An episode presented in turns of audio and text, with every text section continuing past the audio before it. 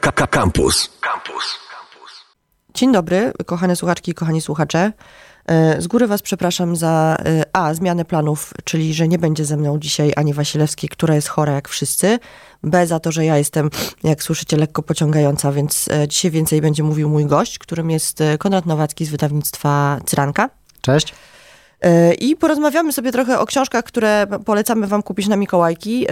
Jeszcze macie trochę czasu, w sensie możecie iść dzisiaj do księgarni albo w poniedziałek rano albo w niedzielę, jeżeli któraś jest otwarta. Natomiast nie będą to książki na Mikołajki, które ociekają słodyczą, ciepłem i pozytywnymi emocjami, bo mamy jedną książkę o kibolach, drugą o wojnie, e, a jeszcze pewnie opowiemy o różnych innych, które nam się podobają, które zazwyczaj też ciepłe, miłe i świąteczne nie są. Więc generalnie w skrócie dzisiaj polecanki książkowe. E, Konrad ostatnio wydał dużo dobrych książek, które mm, są na zestawieniach różnych e, topkach z 2021 roku. Na mojej topce jedna książka też będzie, ale o tym za chwilę. A Konrada chcę spytać o to, jaką książkę by kupił w prezencie na przykład swojemu przyjacielowi z takich, co ostatnio wyszły. I nie możesz mówić o swoich.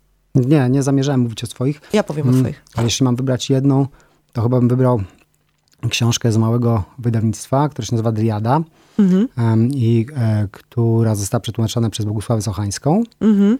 Mm, e, I powiem o niej dlatego, że nikt o niej nie, nie słyszał. No właśnie, ja o niej chyba nie słyszałam. Mm, nigdzie jej nie ma, bo to jest malutka mhm. oficyna mm, i o tej książce po prostu nie ma żadnych informacji w mediach. Ona się nazywa Nieprzystosowani i napisał ją autor, który się nazywa Peter Heck. I to jest duńska książka o mm, szkole, e, o właściwie o internacie i o wychowywaniu chłopca przez taki system E, który mm, stworzyli Duńczycy i który miał mm, pomóc mm, wydobywać dzieciaki z trudnych życiowych sytuacji, mhm. pomagać im dorastać i uzupełniać różne braki.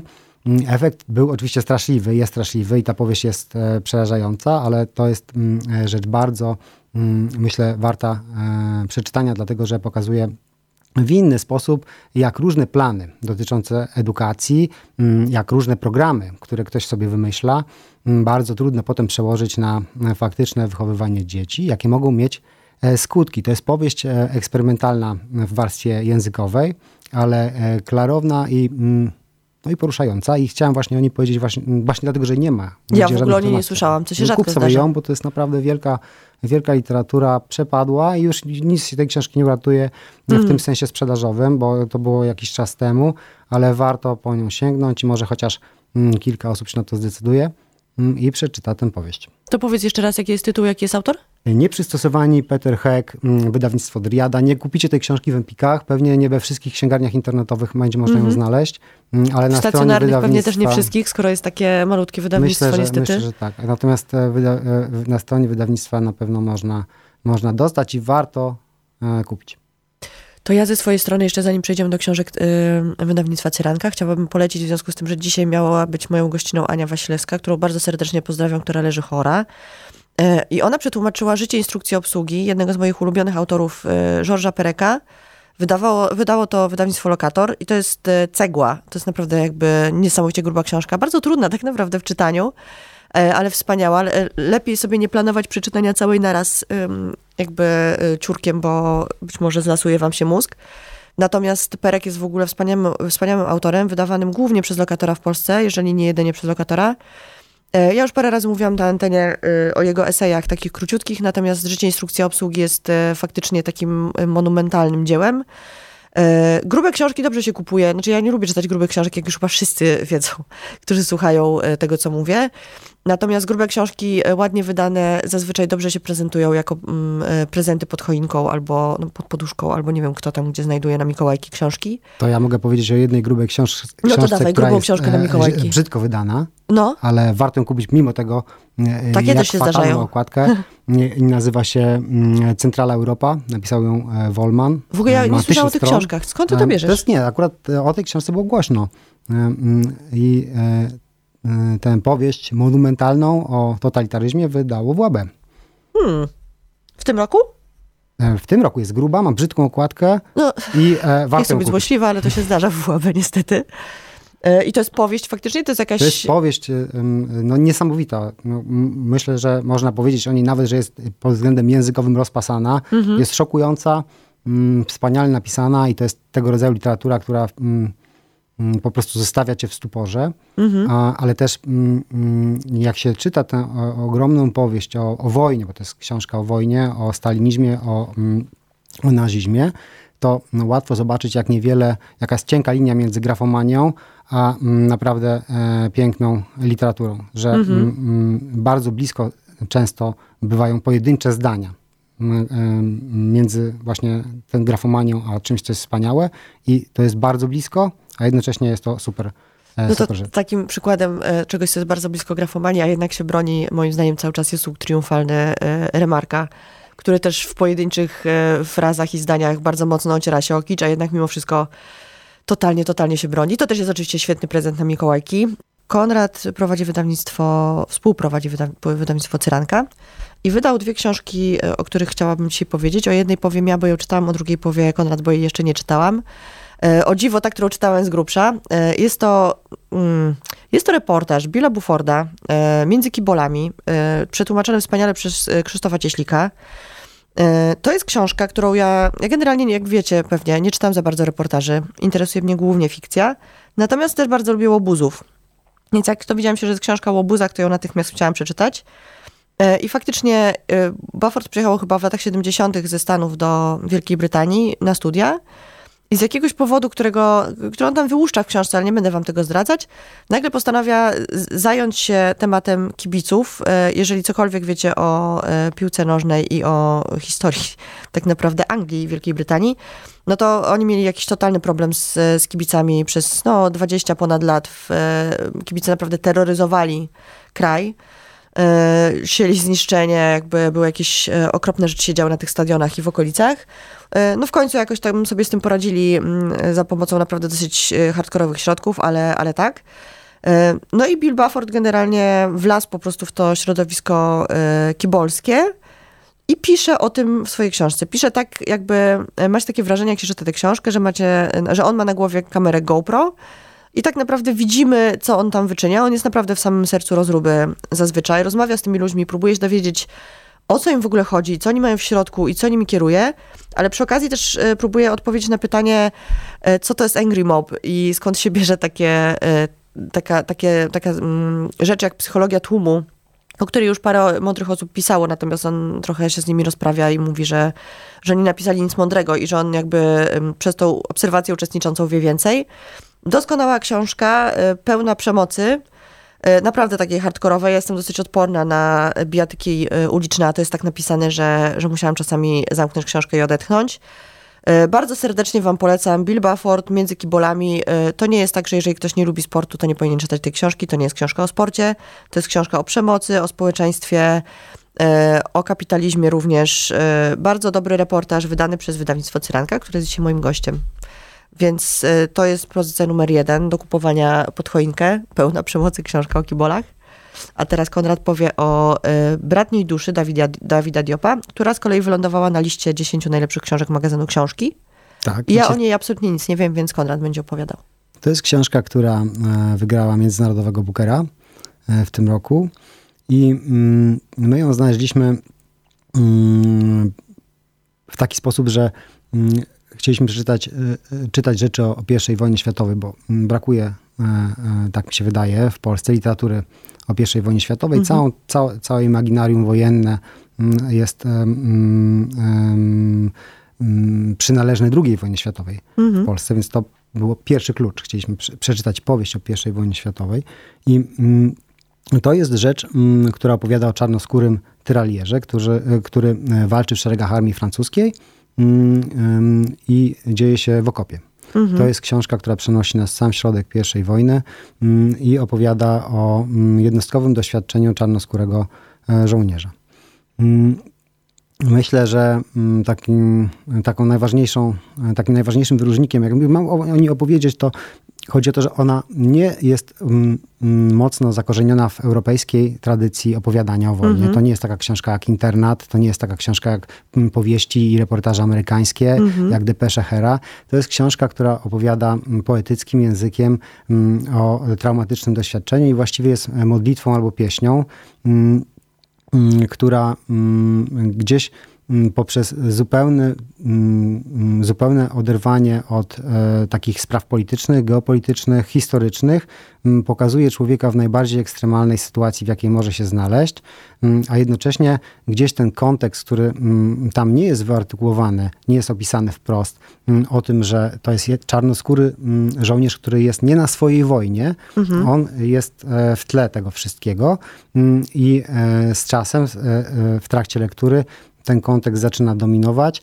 i to pytanie, jak to się stało, że to jednostkowe doświadczenie, to okropieństwo, które mu się przydarza, bo to nie jest tak, że, mm, mm, że wszystko dzieje się tam za sprawą tego bohatera, mm -hmm. jemu się to przydarza. Jak to jest możliwe, jak to się stało. Mm, no i to jest rzecz e, wstrząsająca. A powiedz mi jeszcze tak, kto przetłumaczył książkę, bo to zawsze staramy się mówić? Przetłumaczył e, Jacek Giszcza, który jest wybitnym e, tłumaczem nie tylko literatury francuskiej, ale też literatury frankofońskiej. On się tematami afrykańskimi mm, zajmuje, także mhm. doskonale sobie po, po, poradził, jak myślę, e, z takim rytmem, który na, m, mm, m, mm, trzeba było oddać w tej książce, który, którego źródła należy szukać w języku Wolof, mhm. czyli w, w, języku, którego właściwie nikt, nikt nie zna. Ale to się udało i ten rytm jest zachowany, także to jest właściwie taki też e, miks e, e, językowy, bo mm, ten rytm jest właśnie wzięty z tego języka Wolof, ale mm, ta pieśń, ta, ta opowieść jest jednak bardzo elegancka mm, i to zestawienie też jest uderzające. To jest książka, którą faktycznie sporo osób, ona wyszła niedawno, prawda? Tak, ona wyszła w październiku. Sprytnie, tak na koniec roku, żeby wszyscy włożyli do podsumowań. Tak, Bardzo szanuję takie wybory. Się, trafiła. E, trafiła do podsumowań. Ja się tą książką nie zainteresowałam, dlatego że e, trochę unikam oczywiście tematów wojennych. E, nie oczywiście, trochę unikam tematów wojennych, kropka. Jakoś zawsze uważałam, że to jest coś, co mi narusza trochę wrażliwość. Jakoś za bardzo to do mnie przemawia i dociera. No ale jak się okazało, że już nie wiem, 15 czy 20 osoba pisze do mnie, że to jest jedna z najlepszych książek, jakie czytały, to dzisiaj tę książkę od Konrada dostałam do ręki i zamierzam ją czytać. Oczywiście pozytywną rzeczą jest to, czego wy, kochane słuchaczki i kochani słuchacze, nie widzicie, czyli że jest to książka krótka. To prawda. Więc e, mam szansę ją przeczytać przed końcem roku i być może włożyć też do swojego podsumowania. Ona też e, została napisana w ten sposób, żeby ją przeczytać na raz. No właśnie. To są, to są książki, które ja bardzo lubię i które nie, nie zajmują mi głowy za długo i mogę sobie je potem spokojnie przeżyć. E, nie wiem, czy będę mogła włożyć do podsumowania dwie książki z Cyranki, e, bo to już jest chyba trochę przesada, a jednak między kibolami zdobyło moje serce, ale, e, ale może tak, zobaczymy jeszcze, jak przeczytam. A powiedz mi jeszcze w takim razie, jak już jesteśmy przy tłumaczu, Cieszyliście się ostatnio bardzo z nagrody Gonkurtów dla, uwaga, teraz będę kaleczyć nazwisko, Mohameda Mugara Sara, tak. 31-letniego Senegalczyka, który dostał nagrodę Goncourtów za książkę La plus secrète mémoire de Rome. I to jest chyba pierwszy laureat Goncourtów, który jest e, czarnoskóry, prawda? Jest z, w ogóle spoza jakby, bo on się nie urodził we Francji, tak? Jest, tak, mi się wydaje, że to jest pierwszy Senegalczyk, który dostał mm. tę nagrodę mm, i rzeczywiście jest pisarzem młodym. Mm -hmm. I nagle się okazało, że on dostał Goncourtów, a e, wydawnictwo Cyranka już ma e, prawa do wydania jego książki. Jak to się stało, że żeście wpadli na tę książkę? My czytamy te listy, czytamy te listy, wiemy, co się, co się mhm. ukazuje i na co e, warto zwrócić uwagę, a na tę książkę zwrócił mi uwagę Jacek Giszczak, mhm. który tłumaczył Diopa. Ja wprost zapytałem, co z tych rzeczy wydaje mu się interesujące i dostałem odpowiedź i sprawdziliśmy to w, w kilku w kilku e, źródłach i mhm. zdecydowaliśmy się, że warto o tę książkę powalczyć. Zresztą to nie jest, mm, wydaje mi się, specjalnie ryzykowne, bo mm, ta e, kapituła, która decydowała o tej mhm. nagrodzie, nie miała w tym roku żadnych wątpliwości, nie, było potrzebna, nie była potrzebna druga tura i w zasadzie wszyscy wiedzieli, że on tę nagrodę zdobędzie. Nawet ktoś poinformował o, o tym, jakie są wyniki kilkadziesiąt minut przed tym, jak, jak zostały ogłoszone. Także... No we Francji, we Francji nagroda Goncourtów rok w rok sprzedaje około miliona egzemplarzy książek, co jest absolutnym szaleństwem.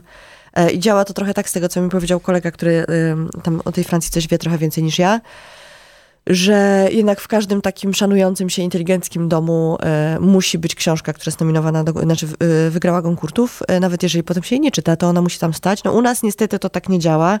Z całego serca oczywiście liczę, żebyście sprzedali milion egzemplarzy książki tłumaczonej z francuskiego, w co niestety za bardzo nie wierzę. Powiedz jeszcze, kiedy ona ma wyjść? Myślę, że, się uka- że ukaże się we wrześniu. Przyszłego Mm, roku. tak. No, tego już się nie ukaże, bo już się kończy. Porozmawiamy o y, młodych pisarkach i pisarzach polskich, których y, należy promować y, i należy ich czytać i należy ich kupować, bo te pieniądze, za, które zarobią na książkach są im naprawdę potrzebne, żeby napisać kolejne książki.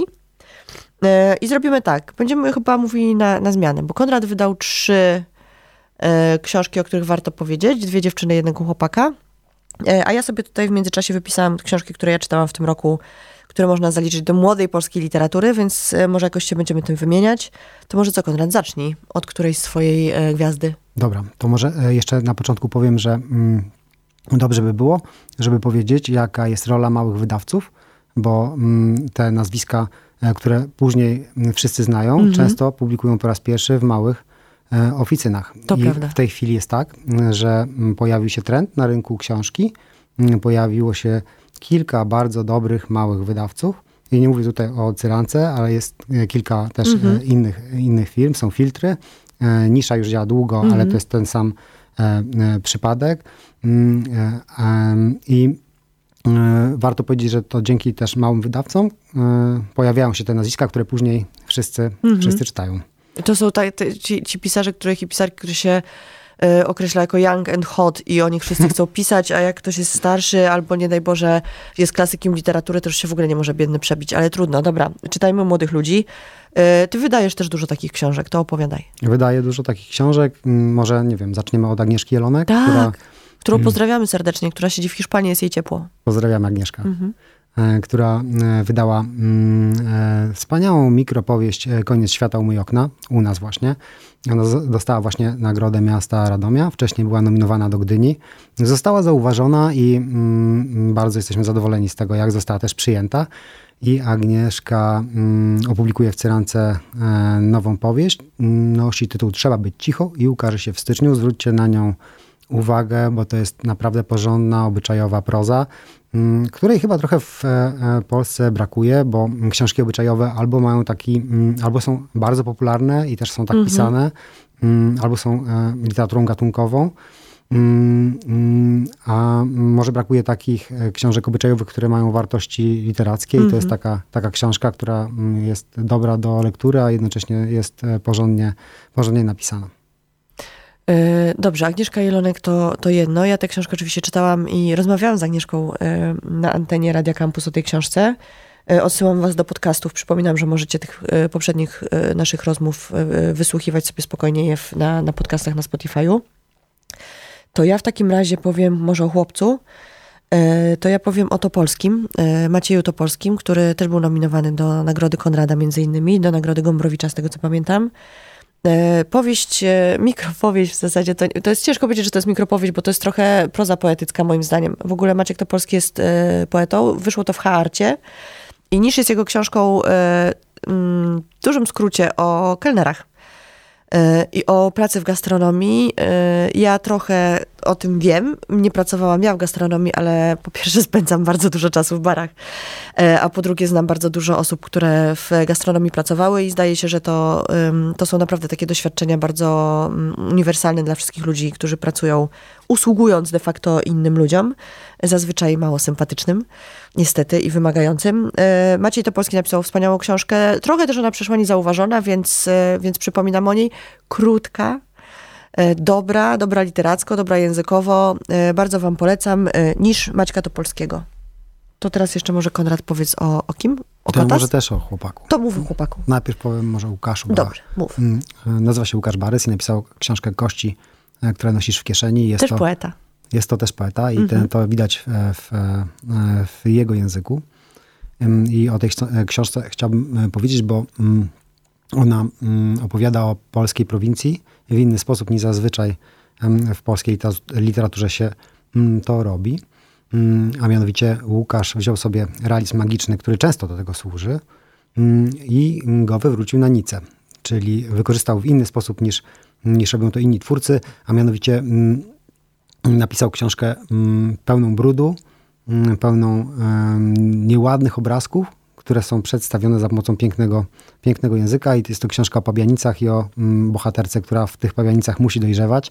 E, to jest miasteczko, które jest pełne mm, koszmarnych sytuacji, mm, na e, swój sposób też urokliwe i ten miks jest tam doskonale e, przedstawiony i to jest też warte podsumowania, że te małe miasteczko, które on tam opisuje, to jest właściwie Polska.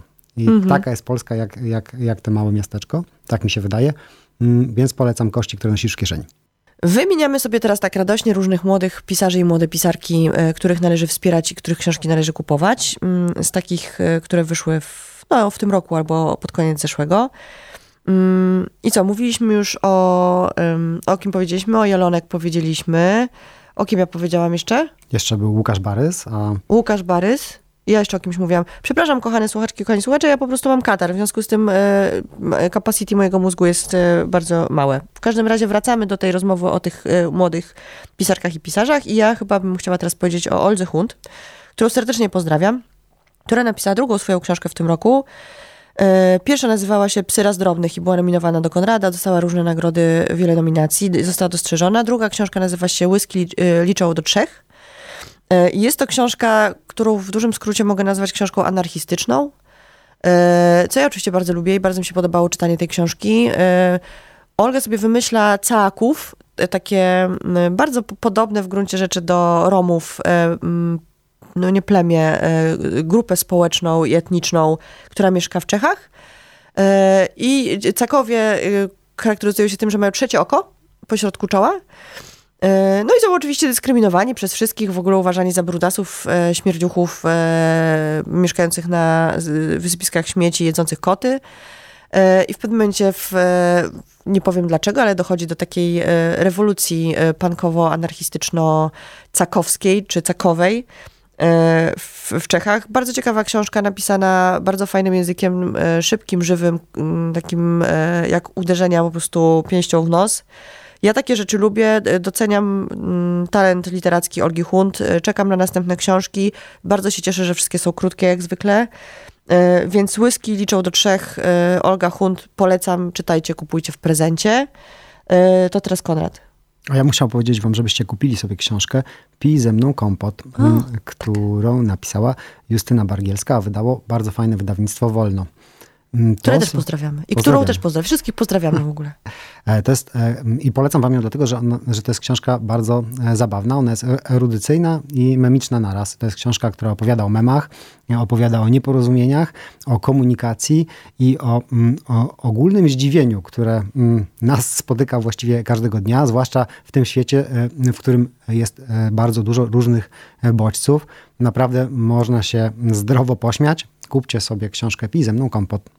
Tak, a ja zachęcam też oczywiście do tego, żeby posłuchać e, podcastu, e, rozmowy, którą przeprowadziłam z Justyną Bargielską, o tej książce i trochę o tym, e, kim są grupis w książce Justyny, czemu należy, a tego nie powinnam mówić na antenie radia, to nie powiem, to sobie po prostu posłuchajcie, o czym rozmawiałyśmy. Było naprawdę bardzo zabawnie. To co, to jeszcze teraz powiem o, o kolejnej zabawnej książce, którą napisał bardzo poważny młody pisarz polski, Bartosz Sadulski, Bartosz Sadurski napisał książkę Rzeszot. Mm, dostał stypendium Młoda Polska na, tą, e, na napisanie tej książki i jak sam mówi, tylko dlatego ją napisał.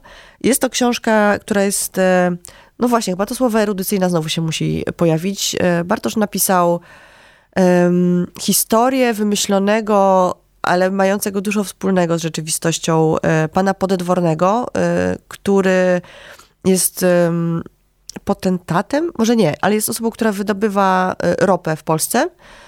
E, to jest w ogóle historia Galicji i tego, jak tam, e, jak Galicja się stała polskim Teksasem. albo się w końcu nie stała. Bardzo ciekawa książka, pojawiają się w niej nasi wieszcze, więc w związku z tym, że w przyszłym roku, mimo że jest setna rocznica urodzin Mirona Białoszewskiego, to Sejm uznał, że będziemy obchodzić rok polskiego romantyzmu. Więc może warto w ramach roku polskiego romantyzmu poczytać o tym Mickiewiczu i Słowackim z, z przymrużeniem oka, albo u Bartosza Sadulskiego, albo u Grzegorza Uzdańskiego, który napisał Wypiora. E, też o Mickiewiczu, który nie umarł, tylko został z nami jako wampir. E, I mieszka na Zbawiksie. I mieszka na Zbawiksie e, i mieszka w szafie, więc uważajcie na szafy w okolicach Zbawiksa i na wychodzące z nich osoby. Źle to zabrzmiało. No dobrze, to ja może jeszcze powtórzę, że Rzeszot Bartosza Sadulskiego, książka, która mam nadzieję, że jeszcze wróci przy okazji sezonu nagrodowego w przyszłym roku. E, krótka, zabawna, e, fajna, e, ładnie wydana. Mimi Wasilewska zrobiła piękną okładkę. Też można kupować i pakować do skarpetki pod poduszkę i pod choinkę. To co, jeszcze teraz jakaś twoja pisarka? Jakaś. To może jakaś. jakaś, jakaś. Może, może, to może Dorota Kotas. Dorota, może Dorota Kotas, Kotas opublikuje w Cerance książkę w przyszłym roku. Nie wiem jeszcze nic o tej książce, bo jeszcze jej nie czytałem, ale mm, wyczekujcie jej, bo mm, jeśli mam rozmawiać o młodych polskich pisarkach i młodych polskich pisarzach, to bez Doroty Kotas nie da się tego zrobić. Dorota napisała Cukry, e, które wydała Cyranka i myślę, że to będzie takie nazwisko, które, przez, które będzie ważne dla, dla polskiej literatury w ogóle w następnej dekadzie. To jest dużo powiedziane. Tak mi się wydaje. Dobrze, cieszę się. E, Dorota, oczywiście, ja czytam obie książki Doroty i przeczytam też trzecią. E, są to bardzo dobre rzeczy, bardzo ciekawe. Przede wszystkim jedna jest inna, druga jest inna, to jest e, jednak dużą zaletą, bo bardzo łatwo jest napisać pierwszą książkę, e, odnieść sukces i napisać drugą identyczną. Pierwsza Zresztą, się nazywa Pustostany. Pustostany, tak. I wydała tę książkę Niebieska Studnia i to jest bardzo też dobra, mm, właściwie powieść chyba, powieść autobiograficzna. W zasadzie chyba tak. E, no dobrze, to jeszcze w takim razie wspomnę na koniec o, też o pisarce polskiej, e, takiej, która tam, której książka mignęła, ale mam wrażenie, że nie została aż tak e, zauważona. Również startowała do nagrody Miasta Radomia z Agnieszką Jelonek, ale Agnieszka Jelonek wygrała, Małgorzata Boryczka, o której chcę powiedzieć, niestety nie wygrała.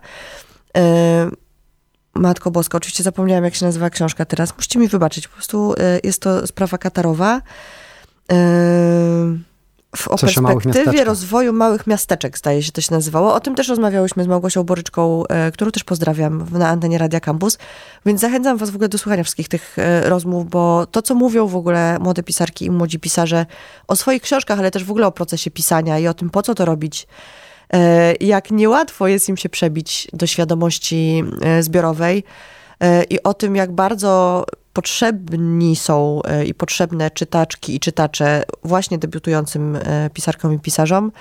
E, to są jednak takie rzeczy, to co Konrad powiedział, o których trzeba cały czas mówić. Małe wydawnictwa, które wydają, dają szansę debiutantom. Nie wydają tylko nazwisk, które są samograjami i które sprzedają się w dziesiątkach tysięcy nakładu.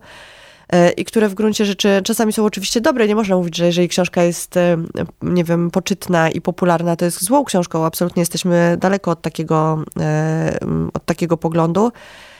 Ale bardzo często właśnie w tych małych wydawnictwach i w, w piórach, jak to źle zabrzmi, młodych pisarek i młodych pisarzy, czają się naprawdę bardzo dobre literacko rzeczy. Czy ty jeszcze czytałeś ostatnio coś takiego, co zrobiło na tobie duże wrażenie? Takie, z takich młodych pisarzy i pisarek? Już nie cyrankowe? Ja mam, mam e, pozytywną opinię o tej książce Wypiór, o której ty wspomniałaś. Aha. Ona mi się bardzo podobała i podobała mi się przede Grzegorz wszystkim odważna mhm. decyzja wydawcy, bo to jest książka... Filtry. Tak, to już filtru, wspomniane dzisiaj przez nas. To, mhm. Bo to jest poemat właściwie.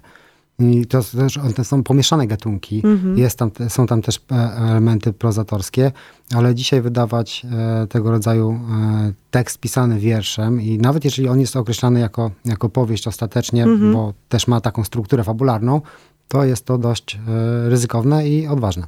To prawda. No dobrze, kochani, musimy powoli niestety kończyć. Wyjdźcie do księgarni, kupcie prezenty mikołajkowe, najlepiej z listy, o której wspomnieliśmy dzisiaj. E, wszystkie tytuły jeszcze spiszę, potem e, pojawią się w opisie podcastu, żeby było wam łatwiej, e, jak pójdziecie do księgarni z wydrukowaną listą albo z listą w telefonie i kupicie wszystkie swoim przyjaciółom i przyjaciółkom. W przyszłym tygodniu nie wiem, co będzie, nie wiem, z kim będę rozmawiała, bo wszyscy w kółko chorują, więc czas pokaże. Dziękuję wam bardzo za uwagę. Tobie, Konrad, dziękuję za to, że przyszedłeś i miejcie przyjemną sobotę. Dzięki. Słuchaj Radio Campus, gdziekolwiek jesteś. Wejdź na www.radiocampus.fm.